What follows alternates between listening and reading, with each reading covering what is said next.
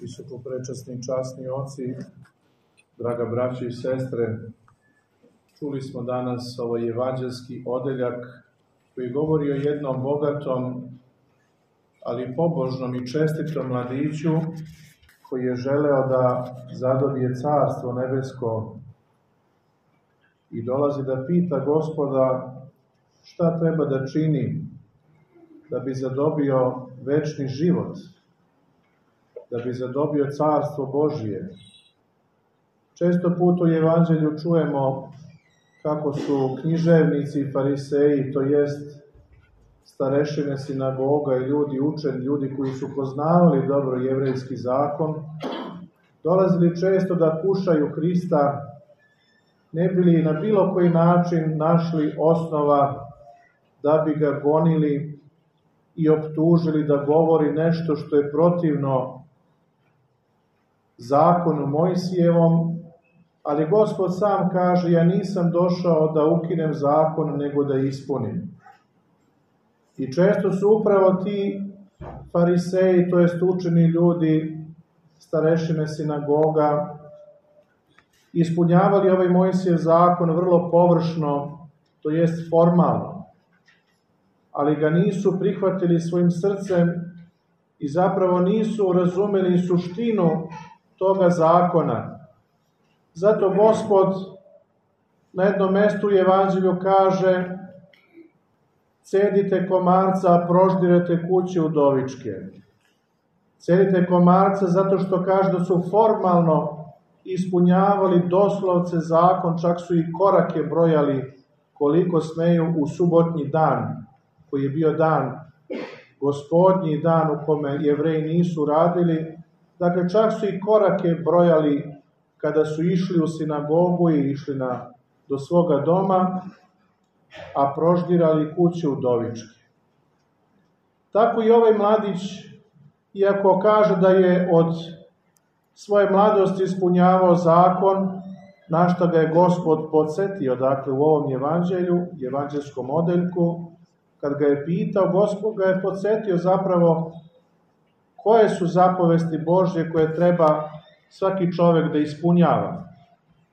A on kaže, gospod, ja to činim već od svoje mladosti, što znači da je bio čestit, pobožan mladić, ali istovremeno nije došao da kuša gospoda, nego je došao da čuje reč spasenja.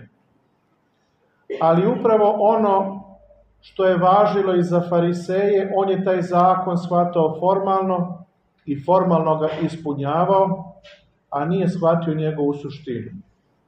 A gospod mu upravo govori o suštini i kaže sve ispunjavaš, ali ti jedno fali. I zato mu kaže prodaj sve što imaš i daj siromasima. A on je bio čovek veoma bogat, čak se u jednom od evanđelja kaže da je bio i knez. Bio je spreman sve da učini osim da se odrekne bogatstva, osim da se odrekne ugodnog i lagodnog života, ali druge sve zapovesti koje ispunjavaju bije spreman, ako gospod da još neku zapovest da ispuni, ali suštinu dakle nije shvatao. Njegovo srce je bilo vezano za ovo zemaljska blaga, za ovo zemaljske uživanja, ali ne za carstvo nebesko, ono što je suštinsko što je pretežnije, što je večno i neprolazno i nije bio spreman toga da se odrekne.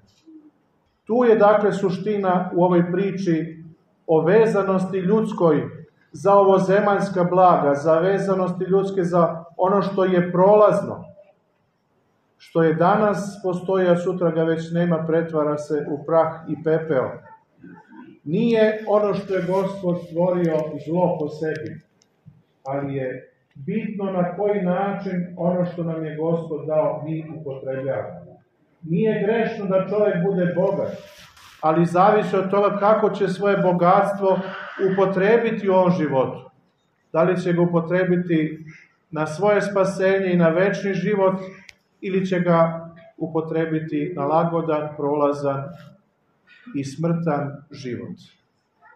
Jednom prilikom došao jedan mladić kod mene da me pita, je vrlo zainteresovan za monaški život. vrlo čestit pobožan mladić, žive u jednom selu i danas živi i došao je da pita šta treba da dođe da živi u manastiru, da posveti svoj život Bogu.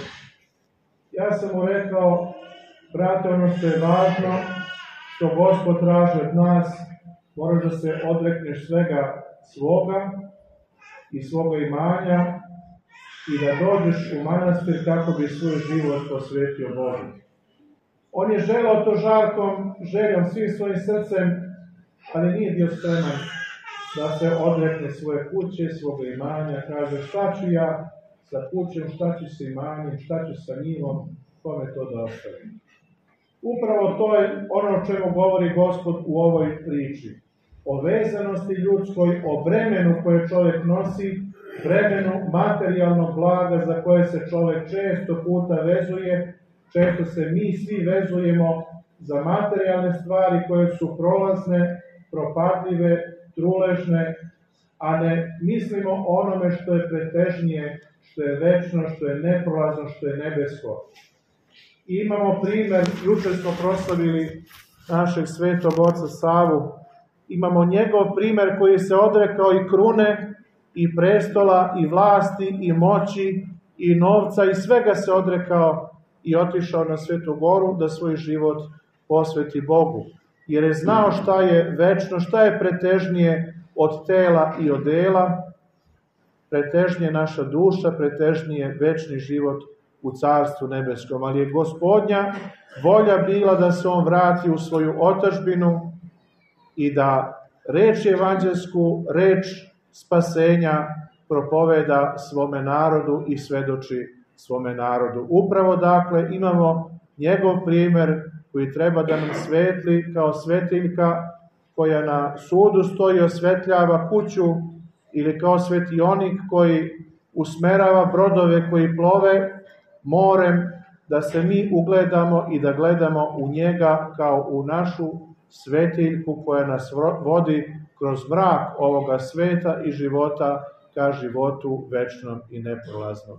Neka je srećno i blagosloveno, Bog vas blagoslovio, živjeli mi Boga i blaganje.